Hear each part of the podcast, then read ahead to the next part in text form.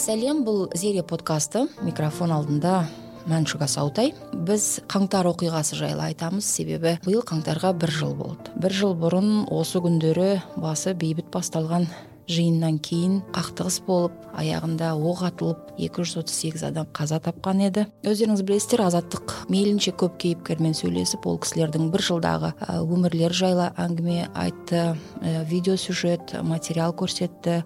Енді кезекті бір кейіпкерімізбен бүгін сөйлескім келіп тұр. Ол кісінің аты нұрсұлтан саламатсыз ба нұрсұлтан? Саламатсыз ба? Келгеніңізге көп көп рахмет. Себебі біз осы күнге дейін жарынан айырылған әйел адамдар туралы көп айттық әкесінен айырылған балалар туралы көп айттық. Бірақ әйелінен айырылған ер азаматтар туралы айтқан жоқпыз. Сізді тізімнен көрген кезде мен таң қалдым содан кейін ә, сізбен енді хабарласып қаншалықты ол орынды болады екен деп сөйлескен болатынмын. Келгеніңізге көп рахмет. Нұрсұлтан енді өзіңіз жайлы айтсаңыз жасыңыз қаншада қайдан боласыз? Жасым қырық бірде жамбыл облысынан сол жақта туылғанмын екі мың сегізде келгенмін алматыға. Екі мың сегізден бері енді осы алматыдамын кім болып жұмыс істейсіз? торговый представитель болып. Жеке компанияда. Мм. қаңтар оқиғасы сіздің отбасыңызға қалай әсер етті? Не болды сол туралы айтсаңыз? Енді қаңтар оқиғасы енді түсінбей қалдық. Үйден шығып бала ауырып аптекаға дәрі іздеп шыққанбыз. Сөйтіп через площадьпен айланып жүрейік деп площадь жабық сол айланып жүріп бара жатқанда артынан оқ келді дейді. В общем түсінбей қалдық қой не болғанын. Қай күн еді ол? Алтыншы қаңтар. Алтыншы қаңтар күні. Бір пәсте не болғанын түсінбей қалдық болып қалдық қой. Содан бір жыл өтті сонымен әлі іс қозғалып жатыр бірақ әлі сот болған жоқ. Қандай көлікте едіңіздер? Кімнің көлігі еді ол? Мен арендаға айдап жүрген көлік етін таксовать етіп жүретінмін. Сол көлік қой. Ол сіздің жекеменшік көлігіңіз емес сонда иә? Иә жоқ жекеменшік емес. Көлікте кім болды? Көлікте өзім за рулем келіншегім артында үш баламен алдында жаңағы жеті айлық бала болған. Бүкіл отбасыңыз сонда көліктің ішінде болды ғой иә? Иә бір үлкен балам ол ауылда қалған. Кеміртауғанда мм. Қалған үшеуі көлікте болған. Балаларыңыздың жасы қаншада төртте екіде и жеті айлық. Кімге дәрігер шығып едіңіз? Жеті айлық кішкентай балаға. Тұмауратып не қылып қойғаннан кейін. Келіншегім бір дәрі ала салайық деді сонымен алып соны іздеп шыққанбыз ғой. Қай көшенің қиылысында оқ тиді? Сатпаева фурманова. Фурманованы төмен түсіп бара жатқан абайға жетпей. Қай жеріне тиді көліктің? Артқы ойдан тура миына тиді. Балалар да куә болған екен ғой. Иә балаларды енді әйеліңіздің есімі кім? Жанара жанара қандай еді? Ондай әйел кездеспейтін шығар. Барлық жағынан жақсы енді несін айтамын. Төрт бала туып берді бақытты отбасы едік. Бір пәстен андай осындай болып қалды аллаға да жақсы адам керек шығар. Көзі қара домалақ шаш ұзын бір жылдай жүріп танысып сөйтіп бір бірімізге ғашық болып мінезі жақсы ақ көңіл. Мен анау бір бауырым мен енді хабарласпайбыз өзім звондамай көп іздемеймін да. Сол кезде келіншегім өзі звондап тұрсашы звондасашы сол ақ іздейді сені сөйтіп өзі звондатқызып сөйтіп араластырып тұратын еді.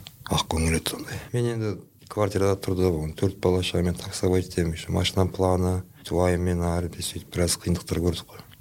Сөйтіп жүріп келесің үйге жұмыстан кейін таксовка таксовка үйге келесің жатып қаласың сөйтіп көп звондамайтын едім да. Балаларға қандай ана еді? Балаларын жақсы көретін. Қызым мені жақсы көретін қызым сол бастан артынан қалмайтын әлі артынан қалмайды әкеге жақын деп айтады ғой қыздарды еркелетеді тігіншеді ананы мынаны ойдан құрастырып әйтеуір бір нәрсе тігіп береді. Салафанмен қызыма садикке анаған мынаған көйлек тігіп беретін маған ақша жаратып сатып алмай ақ мынандай мынандай мата әкеліп берші өзім ақ қолдан тігіп істеп беремін деп әйтеуір бір нәрселер тігіп ойластырып жүретін. Торт жақсы пісіретін. Мм. Үйде ана жиын миын болып жатады қазір мысалы столға не алып барсам екен сондайлардың бәрі мен жаңа тірі кезде вообще басымды ауыртпайтынмын ондайға. Өзім мынандай мынандай алып кел дейді мынанша ақша бер дейді болды. Өзі жайнатып қолдан пісіріп сол жайнатып тастайтын. Сол жиын миында да сол кездерде көрініп қалады жоқтығы мм. Отасқандарыңызға көп болып па еді? Енді отыз жасымда үйлендім он бір жыл болды. Наразылықтар енді алматыда төрті басталды ғой. Сіздер естіген жоқсыздар ма? Наразылық болып жатыр шығу қауіпті деген дүниелерді? Жоқ оны естідік қой. Кейіннен кейін уже кешкісінен басталды ғой сағат жетіден деді ма жетіден азанға айдын деді ма сол кезде шықпау керек деді. Ал онда смс келіп жатты ал сол күні именно атыс болады анау мынау деген смс келген жоқ. Бірақ ойладық енді он бірге дейін үйге жетіп аламыз деп ойладық қой. Қай кез шамасы сол кезде? Кешке қарай ма әлде күндіз ба? Бес жарым алты. Бес жарымның алты кезінде. Бірнеше оқ болды ма? Бір ақ оқ как снайперден атқан сияқты болды. Ғой а бір ақ оқ болды. Келіншегіңіз алдында отыр ма еді? Артта былай хрес енді видимо маған қарап отқан бүйтіп сол кезде артта лавойдан келіп былай миына тиген ғой. Арты лавойдан терезе төмен түсіп барады по фурманова сол сәтте не ойладыңыз? Енді жынды болып қалдық ғой не істейтінімізді білмей қалдым ғой. Екі бала шошып қалды деп соны ойладым. Не істерін білмей қалдым скорый шақырдым гудок бармайды. Сонымен жаңағы қайынбекем үйіне қарай сойқа қарай скорый шақыра беріңіз деп сойқа қарай бардым. Сөйтіп өзім мен балаларды сойға тастадым да өзім алып бардым больницаға өз көлігіммен сөйтіп кіргізді кіргізіп бір он минут па шығып. Аман алып қала алмадық деді ғой иманды болсын рахмет одан кейін не болды әйеліңіздің денесін алып кетуге рұқсат берді ма ертең алып кетесіңдер деді ғой больницадан сразу моргқа қарай жіберді сол күні уже кеш түн ғой уже сөйтіп қайттық ертесіне барып алып кеттік қой сөйтіп жамбыл облысына апарып сол жаққа жерледік мм жетісіне алдық қой сол балаларыңыз қалай енді қазір балалар жақсы аман есен өсіп жатыр бәрі жүгіріп ойнап мынау үкімет берген тамға көшкенбіз. алпыс сегіз квадрат метр сол екі комната берді. Сол жаққа әке шешемді ауылдағы әке шешемді алып келгенмін қолыма. Мхм. Қазір сол бәріміз бір отбасы тұрып жатырмыз енді. Үлкеніңіз қаншада? сегізде одан кейін бесте. Екеуі мектепке барады. Біреуі нөлге барады біреуі үшінші класс оқиды үш жыл бір қыз қызыңыз кенжеңіз ба? Жоқ кенжем жаңа жеті ай балам. Үшінші қызым. Үште жеті айлық баланы бағу қалай болды? Енді бірінші кемір тоғанда үй дайын болғанша кемір тоғанда тұрдым енем қолымда. Ешкінің сүтін беріп не қылып әйтеуір үйретіп бесікке жататын ол кезде. Сол кезде енем бар қайынбекем бар бәрі қарап. Өзім де болдым қасында үйленгенше бір ай жұмысқа барған жоқпын. Қастарында болдым. Үйреніп не қылды? Мазасыз емес енді кішкентайым қатты. Үйреніп кетті содан кейін бесік тастадық ақырын ақырын қазір жақсы нормально жүреді жүгіріп сөйлейді. Мамасын іздейтін шығар. Енді ол балада мамасы есінде емес қой енді. Иә. Қалған үшеуінің есінде ғой солар іздейді ол енді кішкентай болды. Үлкендеріне не деп айтасыз? Үлкендерімен жерлеген кезде үлкенімен екіншімді алып бардым ғой өзіммен бірге. Ертең сұрамасын бүйтпес көрсін көздерімен деп. Мм. Енді олар ес кіріп қалған ғой. Екеуін тастап кеттім мына екі баламды алып барғанмын өзіммен бірге жерлегенге топырақ салып не қылып қаңтар оқиғасында өстіп оққа ұшқан азаматтардың бір сыпырасын эксгумация жасалды. Сіздің әйеліңізге қатысты ондай әрекеттер болған жоқ па? Жоқ. Оқты тапты ма таптық деді ғой бірақ әлі жүріп жатыр іс деді ғой. Бірақ негізі таптық бірақ кім қай автоматтан екенін бәрін соны тексеріп жатырмыз деді. Негізі солдат атқан дейді қандай қарудың оғы екенін айтқан жоқ па сізге? Айтпады. Сіздер ол сәтбаевпен барып фурмановқа түсер кезде ол жерде әскери адамдар болды ма? Сіздерге біреу міреу ескертті ма? Жүрмеңдер қауіпті деген сияқты? Жоқ. Енді анау через площадь тимирязевадағы аптекаға барайық деп ойладық қой біз өтіп деп сөйтсе площадь жабық екен площадь жабық айланып артқа бұрылып қайтып фурмановға солға бұрылайын деп тұрдым ғой сөйтсем бір солдаттар өтті бет колоннамен оларды жібердім жіберіп артынан бұрылып бара жатқан кезде оқтардың дауысы шықты ғой сағат алтыда әлі күндіз почти. Сіз бірден түсінбеген шығарсыз оқ қайдан? Иә оқтардың дауысы шықты сонымен мен қой құрысын деп төмен қарай түсіп кеттім.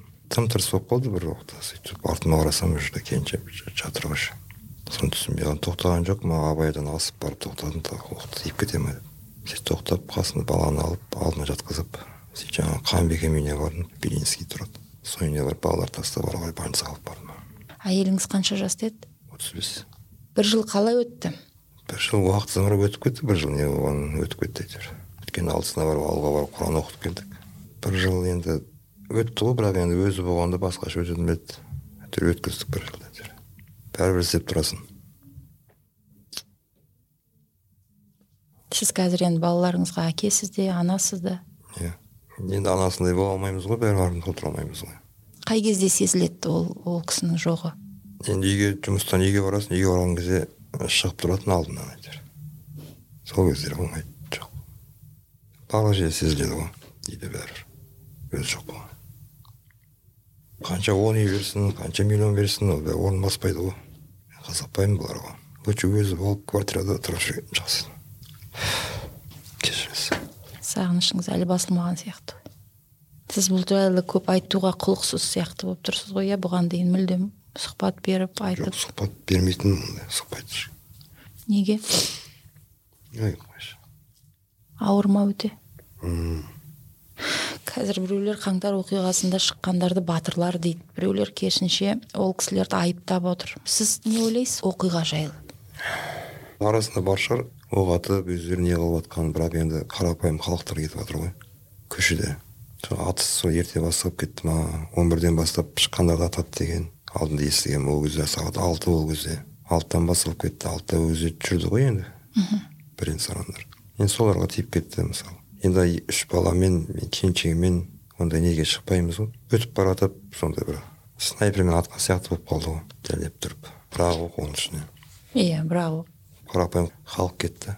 Кінәсіне кінәсіз екі жүз отыз сегіз адамның өмірін қиған сол оқиғадан бір қандай да бір өзгеріс болды ма қалай ойлайсыз қазақстан сол қазақстан сияқты өзгеріс ештеңе көріп тұрған жоқпын. Сол баяғы қала баяғы қазақстан сол. Өзгерген не өзгерді ештеңе өзгерген. Біразын енді орнынан алып тастады. Басқа адамдар қойды сол жағы болмаса. Көлігіңіз не болды айтпақшы? Сіз жаңа жалға алып жүрген көлікке оқ тиді дедіңіз ғой. Көліктікі иә атымда ғой атын аударып алдық а сіз оны ақыры аяқ алдыңыз иә? Иә оны өзім жөндеттім бірақ ақшасын кейін сот болғаннан кейін төленеді деген полный ақшасы. Химчискасы бар лобойын ауыстырдым сіздің әйеліңіздің өліміне қатысты қандай іс қозғалды? Төрт жүз елу бір бап екінші бөлігі билікті асыра пайдалану дейді иә? Күдікті азаматтар бар иә бұл іске қатысты? Тергеу анықтап жатырмыз дейді жаңағы патруль не қылып автомат қай автоматтан атылғанын білдік деді. Мхм. Бірақ енді қай адам атқаны әлі белгісіз қандай қарудан атылғаны белгілі бірақ кім атқаны белгісіз болып тұр ғой. Иә. Сіз ол оқ атқан азаматты табады деген сенімдесіз бе? Иә. Следователь жазып тұрады звондап тұрады анда санда дело астанаға кетті деген сол қалай келеді шақырамын таныстырамын деген. Тергеу онда аяқталған ғой сонда да? Сондай шығар сол астанаға кетті деді. Қалай келеді сол звондап не қыламын деді ғой енді. Сол звоногын күтіп жүрміз бірақ солдат деді ғой шын талдықорғанның солдаты деді негізі. Мен анау бұрылып фурмановаға абайға жетпей кетіп қалдым ғой уже. Следовательден сұрадым ғой. Мен уже ұзап кеткенмін не үшін бізге қарай оқ атқанын дедім. Сөйтсем ана тура сол светофорда фурмановамен бір қара джип тұрыпты. Негізі соған ату керек болатын дейді онда кім отқанын кім не үшін оған атқанын түсінбедім. Сонда сіздің көлігіңіздің жанында джип тұрған ба сонда? Сатпаевадан солға қарай фурмановаға төмен түсіп бара жаттым ол абай жақтан фурманов светофор тұрған ғой. Соған ату керек болған дейді. Может соған атып жатыр сізге машинаңыз тиіп кетті ма дейді? Сол айтты артындағы екі камаздағылар а әскерилер отыратын ба? Иә иә. А олар сонда қалай кетіп баратты? Поштаға қарай ар жақтан ленина жақтан поштаға қарай кетіп барады. Сіздерге қарама қарсы шыққан екен ғой онда олар иә сонда? Енді балаларыңыз жайлы айтыңызшы. Балаларым жақсы балаларым ақылды бәрі. Бірінен өткен. Момын енді қызымның қылықтарын кезінде келіншем көрмеді.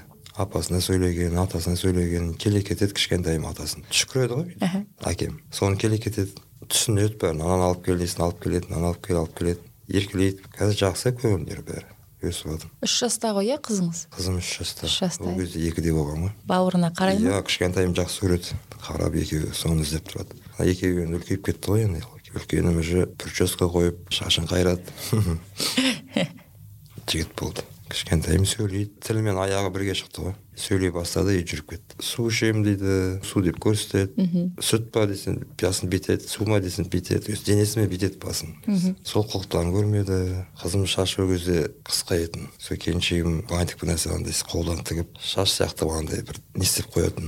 Жинап па? Иә шашын өсіре алмай. Еркек адамға ұқсайды анау мынау деп қазір шашы ұзын қызым. Енді өзіңіз өресіз ба шашын? Иә өзім өре алмаймын мен буып беремін. Апасы буып береді өреді. Қарындастарым бар солар өреді шашы ұзын. Балаларыңыздың қайсысы әйеліңізге ұқсайды? Қызым ұқсайды. Төртеуінің де көздері келіншегіме ұқсайды. Е көзім енді сәл не ғой көкшілеу қой көз. Әйелімдікі қара көзі болған. Төртеуінікі де әйелімнің көзі. Өзі кетсе де көзін қалдырып кеткен екен ғой. Қызым айнымай келе жатыр әйеліңіз қайтқаннан кейін депрессияға ұшыраған кезіңіз болды ма? Бір аптадай жүрдім қандай ой мазалады сізді балдарыма жаным ашыды. Ертең сұрайды не қылады. Енді түнде былай жатқызған кезде үшеуі жатады қастарына жатамын. Сол кезде еске түсіп кетеді. Ұйықтап алады түрлеріне қарап бір жылап аласың үлкеніңіздің енді есі кірді ғой. Ол ол қалай басынан өткерді бұл анасынан айырылған? Ол үндемеймін ол мұңайып сөйтіп жүрді ғой. Сөйтіп оны мектепке бердім мектеп жаңағы психологқа бердім кішкене. Болды қазір нормально.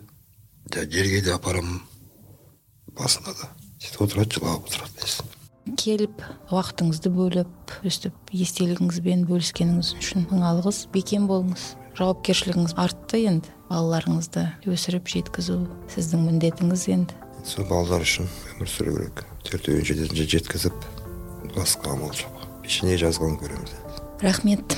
Қымбатты тыңдарман осымен зеренің бүгінгі эпизодын аяқтаймыз. Өздеріңізбен келесі кездескенге шейін келесі эпизодқа шейін қоштасамын. Аман сау болыңыздар.